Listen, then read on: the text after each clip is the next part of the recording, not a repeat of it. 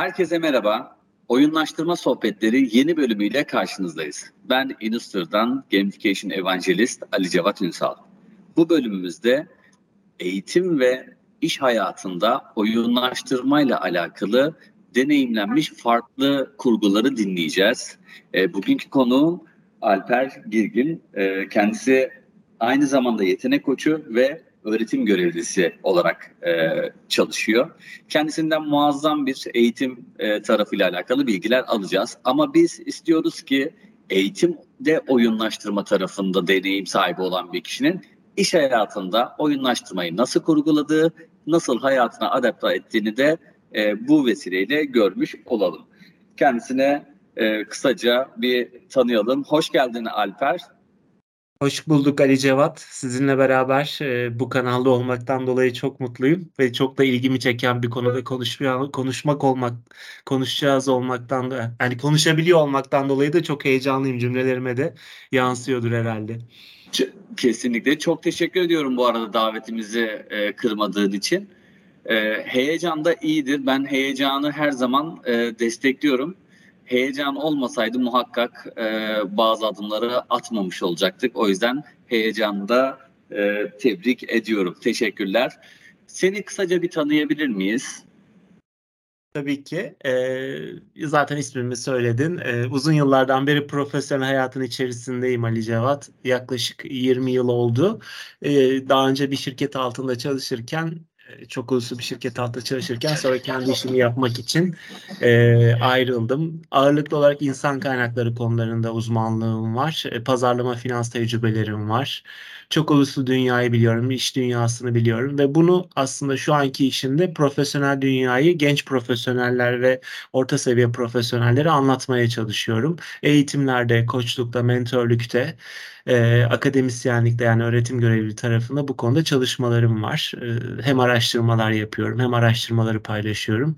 Sosyal medyaya çok uzak değilim. Mr. Corporate Life adı altında bir tane sosyal medya hesabım var. Özellikle Instagram alanında ve YouTube alanında aktif olduğum. Bu alanda da profesyonel hayatı profesyonellere başka bir dille yani kendi anladığım diliyle anlatmak istiyorum. E, yazmayı seviyorum. İki tane kitabım var. Birincisi yeni başlayanlar için kurumsal hayatı anlatan Kurumsal Hayatta 200 Gün. E, çok yeni çıkan e, Kim Kazanır? Birazcık da oyunlaştırmayı da ifade ediyor sanki.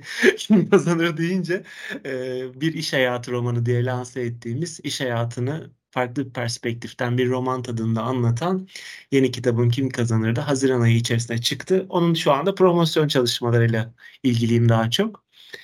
Böyle söyleyebilirim e, ve hani oyunlaştırma adına konuşmak adına da e, şu anda sizlerle beraber bu kanalda olmak da ilk söylediğim gibi çok hoşuma gidiyor. Süper. Ee, öncelikle kitaplarından e, ilki benim çok sevdiğim bir kavramı çağrıştırıyor. Bu Amerikan başkanlarına da ilk 3 e, aylık periyotlarında ki genellikle şirketlerde e, bir yeni bir yönetici atandığında veya dışarıdan bir yönetici transfer edildiğinde ilk 3 ayı çok önemlidir. Muhakkak ki bununla e, bağdaştırdığım bir yapı ilk 100 gün dedin galiba. Doğru mudur?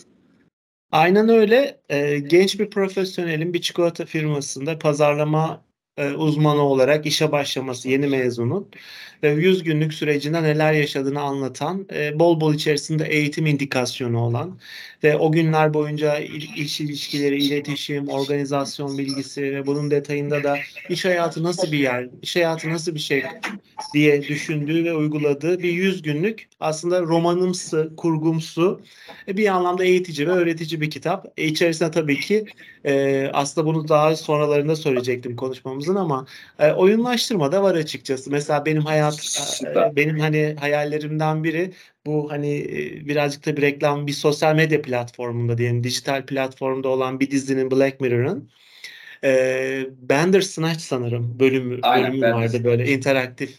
E, bu da bir oyunlaştırma gibi bir şeydi. O kitabın o yönde böyle mesela 100 gün olarak bir tane iş dünyasına yeni girecek bir insana böyle oyunlaştırma şeklinde aktarılıyor olması mesela çok büyük hayallerimden biri. Bilmiyorum belki ileride olur bu şekilde güzel bir oryantasyon e, metodu da oluşturulabilir diye düşündüm yani açıkçası. O Umarım. kitabı hayalle ve emelle yazmıştım aslında Ali Cevat. Süper, ee, güzel bir e, amacı varmış aslında. Ee, seviyorum bu böyle ince detayları. Diğer kitabında kim kazanır? Ee, muhakkak ki içerisinde bir oyun var, bir rekabet var. Ee, kazandığı şey bir ödül. Muhakkak ki oyunlaştırmayla bağlantısı var ki bunları da konuşuruz.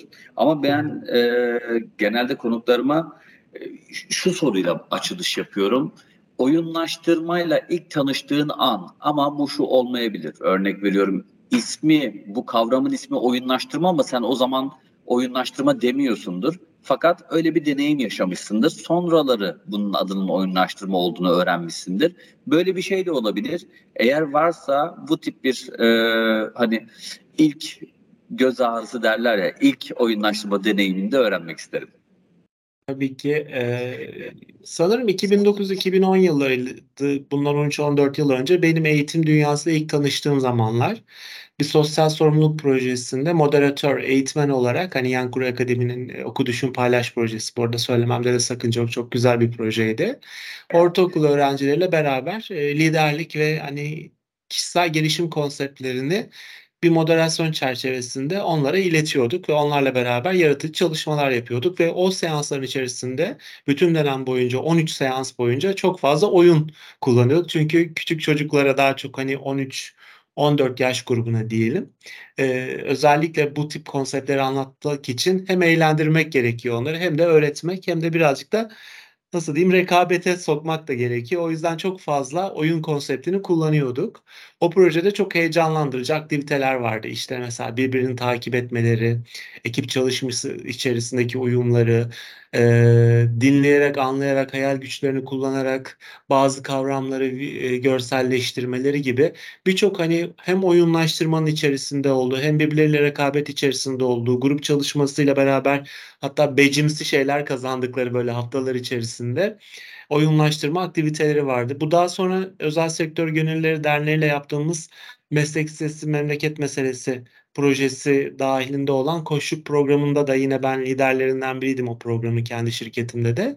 Orada da lise öğrencileriyle benzer yine o moderasyonlar içerisinde oyunlaştırma çok fazla yapıyorduk. Eğer hani şey öğrenciler tarafında hani bu maceralardan yani bu şeylerden edinimlerden sonra yani üniversite yani öğretim görevliliği sürecine geçtiğim zaman dedim ki ya bu gençlerde yani daha daha küçük yaşlarda işe yarıyorsa niye üniversite tarafında da işe yaramasın ve niye daha sonra iş hayatında işe yaramasın diyerekten orada öğrendiğim birçok oyunu küçük çocuklarla oynadığımız birçok oyunu daha sonra daha da geliştirerek hem iş dünyasında hem de üniversite yaşamında eğitimde çok kullanıyor oldum yani açıkçası. Ali Cevat oyunlaştırma şeyi hevesi bu şekilde başladı bana bende yani. Mükemmel. Ee, ben de buna benzer bir şekilde başlamıştım 2012 yılında. Ee, ben de hani eğitimlerimde biraz farklılık yapmak istiyordum. Ee, bu şekilde e, başlayıp sonradan farklı arkadaşlarımdan ya bu gamification olabilir yaptığın şey diye geri bildirim alıp onu araştırmamla evet doğru gamification yapmışım.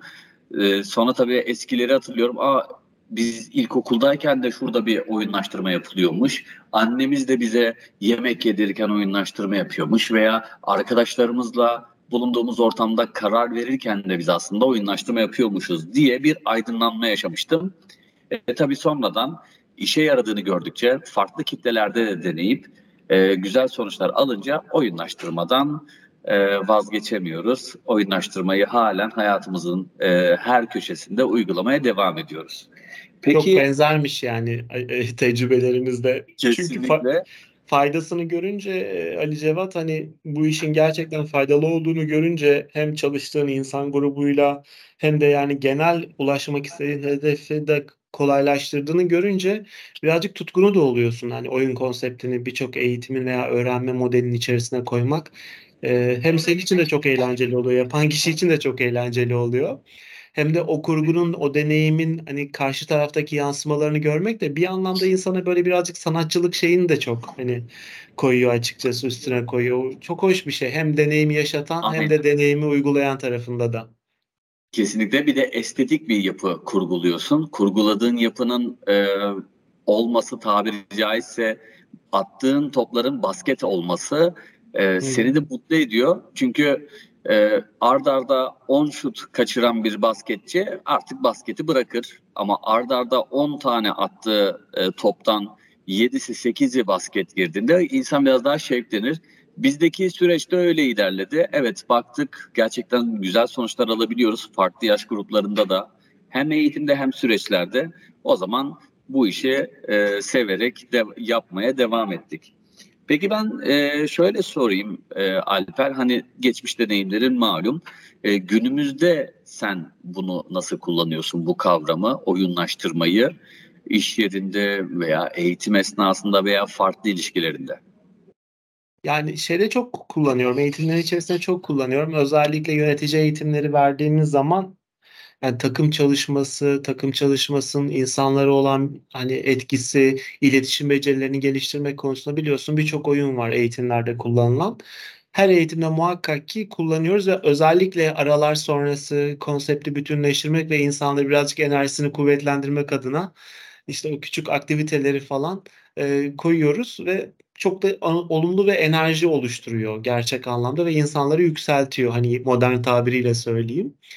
E, mesela şimdi bir genç yetenek programı var. E, üzerinde çalıştığım hani yakın zamanda başlayacağımız 10 tane genç yetenekle bir firmanın belirlediği 10 tane genç yetenekle bir yıl boyunca hem mentörleri hem ko- koçu hem de o programın danışmanı olacağım. Bütün programlarını ben tasarladım ve işin içerisinde her ay oynayacakları bir oyun ve bu oyunun sonucundaki edinimlerini paylaşarak bir sonraki aşamaya geçme gibi böyle bir rekabet, enerji ve stratejinin olduğu e, bir konsept de koydum. Hatta belki biliyorsundur board game'lerden biri bu. E, e, Divit oyunu. Evet. Ee, çok da hani benim sevdiğim iletişim becerilerini çok geliştiren bir oyun.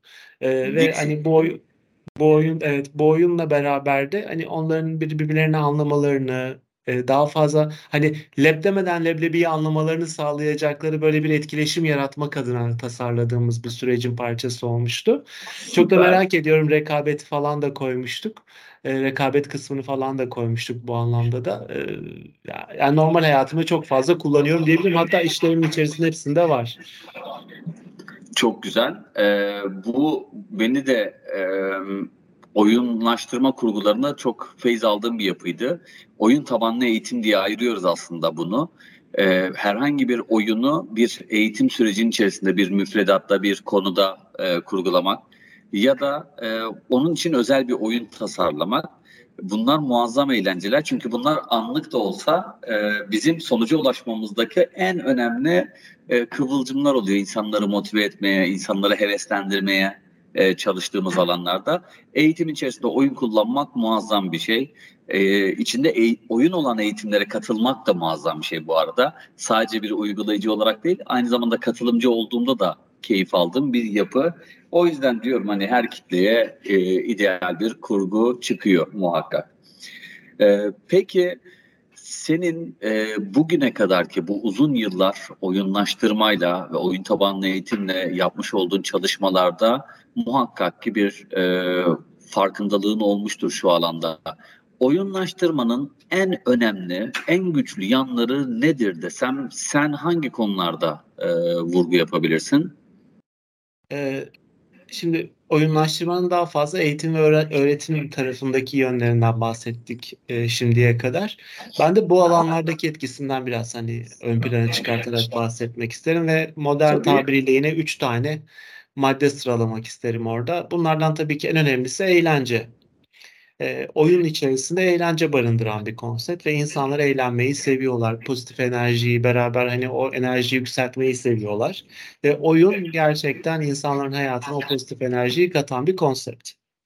E, ikincisi e, o eğlencenin verdiği heyecan diyebilirim ama heyecanın ötesinde gerçekten bir tutku yani başarma başarıyla beraber de ekip olarak bir araya gelerek ekibi boş verin. Hani gerçekten başarma duygunuzun tatmin olması oyun hani gerçekten bu alanda çok önemli bir e, adım oluyor bütün o konseptler içerisinde. Kesinlikle. Ve son olarak da e, rekabet ve strateji dengesini kurabilme. Hani rekabet ederken stratejisini uygulayabilme diyebilirim. Çünkü e, bir oyun içerisinde devamlı şartlar değişiyor ve o şartlara göre oyun sağlayıp e, o şartlara göre de bir rekabeti dengelemeniz ve stratejinizi güçlendirmeniz gerekiyor her seferinde e, anlık olarak böyle bir anda kalma, dinleme, anlama, iletişim becerilerini geliştirme anlamında çok büyük katkıları var. Yani bu beş duyu anlamında. Ve bununla beraber de e, o rekabeti hani içimizde olan o rekabet duygusunun güncel anlamda çok destekleyicisi oluyor. Çünkü artık eski çağlarda değiliz e, ırklar olarak rekabet etmiyoruz birbirimizle hani veya çeşitli canlı gruplar olarak rekabet etmiyoruz ama onu farklı mecralara taşımış durumdayız bu en saf haliyle bunu oyunlar içerisinde yaşamak bence insanı bir anlamda tatmin de ediyor diye düşünüyorum. Kesinlikle. Hatta burada sana minik bir ekleme yapmak istiyorum. Ee, malum gündemimiz şu an e, Tweet yeni sosyal mecra bu Meta grubunun çıkartmış olduğu. Ee, insanlarda akın akın oradan yer kapayım, burası değerlenecek, buraya ilk girenlerden olayım gibi bir algı var. Ee, yanlış hatırlamıyorsam 2012 yıllarıydı sosyal mecraların oldukça popüler olduğu zamanlar. İşte 2007'de Facebook'la başladı, 2009'du galiba Twitter, sonrasında Instagram. Ee, ama insanlarda şey oluştu, hani sen dedin ya artık e, 40 bin yıl önce Neandertallar, Homo sapiensler, Megazorlar arasında olan mücadele şekil değiştirdi, mecra değiştirdi. Artık sosyal medyada e, attığım fotoğrafa en çok etkileşimi ben alayım, en fazla yorumu ben alayım, en fazla takipçi benim olsun, e, en afilli fotoğrafı ben çekineyim, e, en gidilemeyen e, diyarlara ben gideyim, oralarda selfie çekeyim gibi bir yapıya da büründü. Dolayısıyla şu, şunu net olarak anlıyoruz. Evet bir ırkla savaşmak zorunda değilsin e, bir gülleyi, bir mızrağı en uzağa atmak zorunda değilsin veya 100 metreyi en hızlı koşmak zorunda değilsin. Sen istersen istediğin alanda bir yarış bulursun, yarışacak rakipler bulursun ve o insan hani rekabet etme e, arzusunu o alanlarda da giderir. Gerekiyorsa hiçbir şey bulamazsan metro çıkışında önündeki adamı geçmeye çalışmak. Bu bile bir rekabet oyunu aslında insan her türlü rekabetin içerisinde yer alıyor. Kesinlikle. Bu, çok katılıyorum yani bu dediklerine. E, peki bu e, süreçleri konuştuk. E, sen de hani uzun yıllar bunu deneyimledin. Senin böyle bir e, hayalin, arzun var mıdır oyunlaştırma? Keşke şu alanda da oyunlaştırma olsa. Örnek veriyorum bu bir trafik olabilir. İşte e, kullandığımız devlet sistemi olabilir malum birkaç ülkede örnekleri var. Eğitim sistemi, sağlık sistemi, e-ticaret sistemi veya bambaşka bir sistem. Ee, bunlarla alakalı böyle bir oyunlaştırma planın, hayalin var mıdır? Ee, şimdi tabii konuşmamızın başında söylemiştim. İlk kitabın oyunlaştırılmasını çok istiyorum.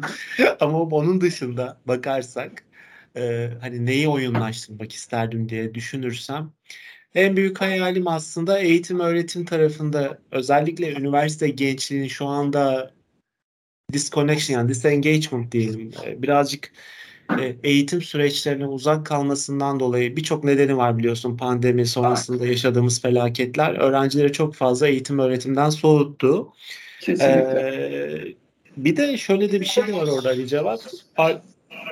Ayrıca da öğrenciler hani acaba üniversite eğitim veya eğitim olmazsa yani ben yine yaşar mıyım? Ben yine ne bileyim e, istediğim profesyonelliğe kavuşur muyum? Birazcık hani böyle eğitim ve öğretim almaktan uzaklaşıyorlar gibi bir şey de oluşuyor bu yeni dünyada.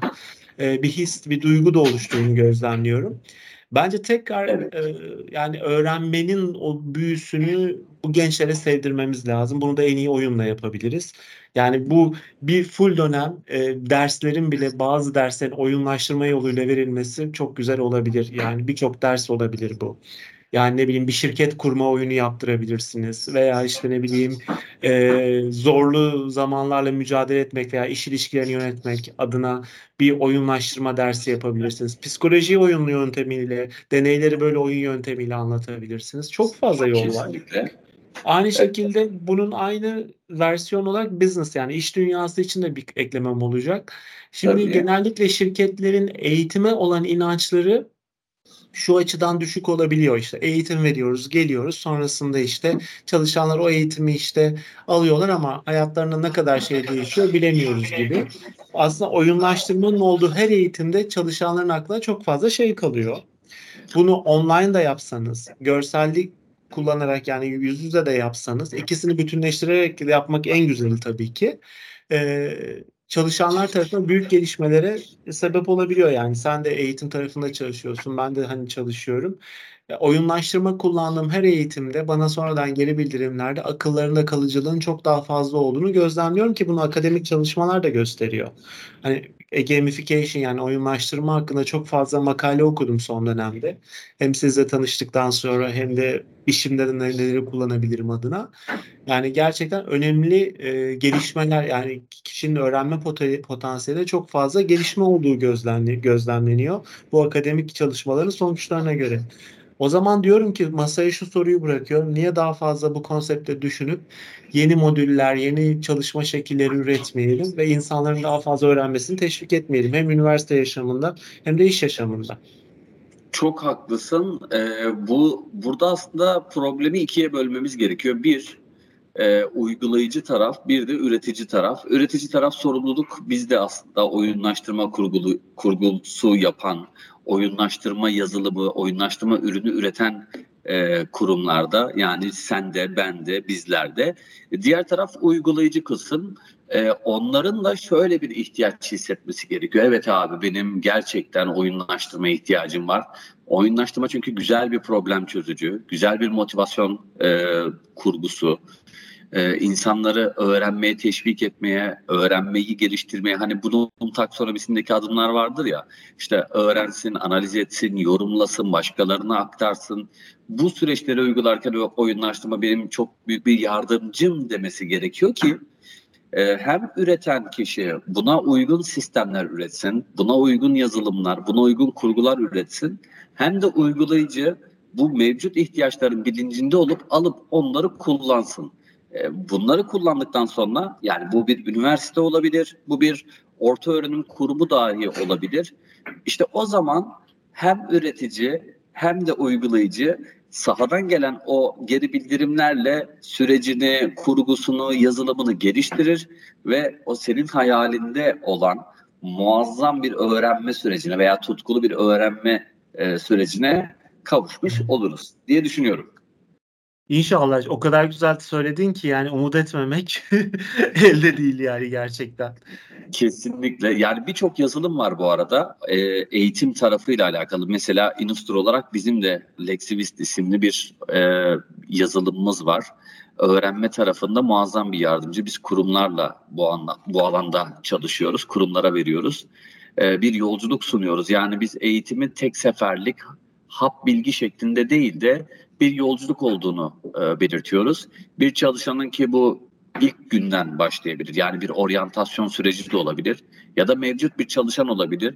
Almasını beklediğimiz tüm eğitimleri e, kendi sistemimiz üzerinden bir yolculukla ilerleyerek orada mevcut bir atadığımız rolü geliştirerek, yetkinliklerini geliştirerek ilerlemesini, orada öğrenmesini, öğrendiği bilgiyi sorgulamasını, başkalarıyla düello yapmasını hatta ilerleyen zamanlarda sisteme katkı verip yeni girenlere bizzat e, mentörlük yapmasını da bu uygulamayla sunuyoruz. Buna benzer birçok uygulama yazılım var.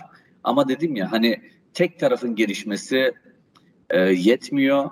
Aynı zamanda e, uygulayıcı e, kitlenin de bu bir okul olabilir veya eğitim müfredatına sahip bir e, iş yeri olabilir. Onların da e, bunu çabalayan, isteyen, bekleyen e, ihtiyaç olduğunu gözeten yerler olması gerekiyor.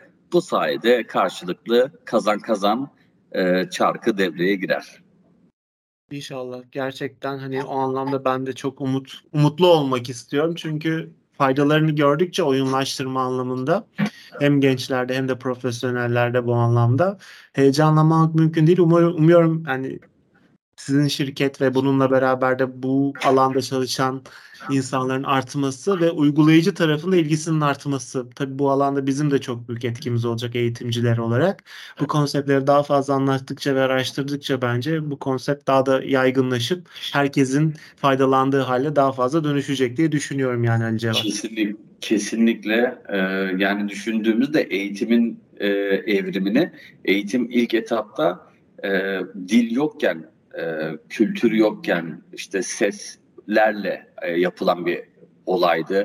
Mağaraların e, duvarlarına yapılan çizimler e, birer PowerPoint sunusuydu aslında. Orada gördüğümüz bizim şu an bakıp Aa buraya mamut çizmişler. Aa buraya bir öküz çizmiş. Buraya bir ateş başında e, toplanıp e, dua ettiklerini gösteriyor dediğimiz şeyler aslında bir eğitim sunusu, PowerPoint sunusu gibi düşünebiliriz.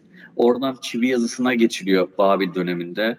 E, çivilerle anlamsız, bize şu an anlamsız gelen e, işaretler kullanarak e, yapılıyor. Sonralarında kağıt kalem, şimdi kağıt kalem görmüyoruz. Tabletler, klavyeler, belki ilerleyen zamanlarda farklı yönlere evrilecek ama öğrenme şekil değiştirdikçe güçlenerek yoluna devam edecek.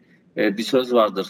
Ee, biz bildiğimiz e, şeylerin yüzde seksenini son yüzyılda e, öğrendik. Onun öncesinde bu kadar bilgiye sahip de değildik. Ee, şimdi çok bilgi yüklemesi var. Bunların en gerekli olanlarını iletmemiz gerekiyor. E, bilgi çok olunca insanların öğrenme hevesi de kaçıyor malum. İşte o hevesi getirmek için de oyunlaştırma gibi metotlara ihtiyacımız var. Aynen. Ee, ben güzel bir sohbet oldu bu arada ama ben son olarak şeyi de sormak istiyorum. Usulen e, tüm konuklarıma soruyorum. E, bu kadar oyun konuştuk, oyunlaştırma konuştuk. Peki Alper Girgin'in en sevdiği oyun nedir? en sevdiğim oyun e, açıkçası son zamanlarda bahsettiğim Divid board game olarak çok seviyorum onu. Evet. Ee, bir dijital anlamda da e, uygulama olarak bir şey söyleyeyim. Duolingo'yu çok seviyorum. Hem de kullanıyorum da kendimde farklı dilleri öğrenmek amaçlı da. Mükemmel. Ee, ve çok fazla şey öğretiyor bana ve hani hem eğleniyorum. Batch'ler falan var, değişik ödüller falan da var. Bu da beni hani motive de ediyor açıkçası. E, dolayısıyla bu ikisini söyleyebilirim yani. Çok güzel. Peki bir şey daha sorsam. E, küçüklüğünden e, çocukken hatırladığın, e, severek oynadığın bir oyun var mıydı? Ee, FIFA. FIFA. FIFA Güzelmiş. Ee, evet küçüklüğümden beri her türlü versiyonda oynadım diyebilirim yani. Değil mi? Böyle veriyordu. 98'de başlayıp FIFA 98 ile başlayıp e, evet, bütün evet. versiyonlarını her sene alarak bugünlere geldik. FIFA 2023 var. Eskiden bir rekabet vardı biliyorsun PES FIFA arasında. Şimdi artık öyle bir rekabet de yok. Tek başına PES krallığını ilan etti. Ee, güzel bir oyun. Tabii oyun içerisinde de birçok mekanik var. Hani e, çok basit bir oyun değil. O oyun da geliştirici bir oyun. Ama her oyunda olduğu gibi belirli sınırları olmalı. E, bu sınırlar çerçevesinde e, oynamaya devam etmeliyiz. E, bu arada şimdi sen FIFA deyince ben seni ofiste davet edeceğim. E, bizim ofiste de turnuvalar yapıyoruz Xbox'ta. e, eğer bir gün gelirsen ofiste böyle birkaç arkadaş birleşip seninle oynayalım. E, hem oynarken de güzel bir keyif sohbet yaparız. Hem de bakalım e, kim daha iyi oynuyormuş, kim kazanır, kim olduğu gibi. yani kazanan üzerime üzerime büyük bir sorumluluk geldi vallahi o kadar. Kesinlikle. E, kitabını da e, getirirsin, imzalarsın. Bu şekilde e, evet. yenilirsen, yenersen de motivasyon olur. Tamamdır. Peki. Çok mutlu oldum e, gerçekten. çok teşekkür ediyorum. E, kapatmadan önce böyle son eklemek istediğim bir şeyler var mı? Varsa alalım. E, tabii var. Şöyle daha fazla oyun oynayalım, daha fazla eğlenelim, öğrenelim ve birbirimize oyunlaştırmanın faydalarını daha fazla anlatalım. Böyle bir dünya hepimiz için daha güzel olacak. Çünkü içinde çok pozitif duygular var. Mükemmel. Ben de Platon'un sözüyle e, ilerleteyim. Platon biliyorsunuz güzel bir hitabet ustası, muazzam bir insan. E, o diyor ki e, bir insanla bir, bir yıl boyunca sohbet etmek yerine yaklaşık böyle bir saat oyun oynarsanız aynı mesafede bilgi kazanırsınız, karşı tarafı tanırsınız. Ben de şunu diyorum, biz e, ailemizden çok gün içerisinde iş yerindeki arkadaşlarımızı görüyoruz. Muhakkak ne olursa olsun hani bir şekilde bir oyun bulun, e, iş arkadaşlarınızla oyun oynayın. Biz her cuma e, bir saat happy hour yapıyoruz. E, iş arkadaşlarımızla beraber oyunlar oynuyoruz bu yüzden. Ee, sizler de dinleyicilerimiz de muhakkak bir yolunu bulsun. Yöneticileriyle, aslarıyla veya yataydaki diğer arkadaşlarıyla iş yerindeki insanları tanımak için oyunlar oynasınlar. Muazzam, eğlenceli aktivite farklı yönlerinde göreceklerdir. Süpermiş gerçekten. Bunun da notlarımı alıyorum yani Ali Cevat. Süper. Ee, zaten FIFA için geldiğinde e, karşılıklı bol bol not alırız diye düşünüyorum. Sadece skorları değil. İnşallah, inşallah. ben çok teşekkür ediyorum Alper. Ee, renk attın, muazzam e, enerjinle, sohbetinle ve donanımınla e, çok teşekkür ediyorum sana. Ben de e, kapanışı gerçekleştireceğim e, sevgili dinleyenlerimize. Oyunlaştırma sohbetlerinde e, bu bölümde güzel bir konu e, konuk ağırladık, konular konuştuk. Farklı konulardan, farklı sektörlerden konuştuk. E, oyunlaştırmanın yine hayatımızda neleri değiştirdiğini, hangi alanlarda bakış açımızda farklılıklar yarattığını görmüş olduk. Ee, bir sonraki e, programda farklı bir konukla farklı bir konu veya konular üzerinde e, konuşacağız. Çok teşekkür ediyorum dinlediğiniz için. Mutlu günler dilerim.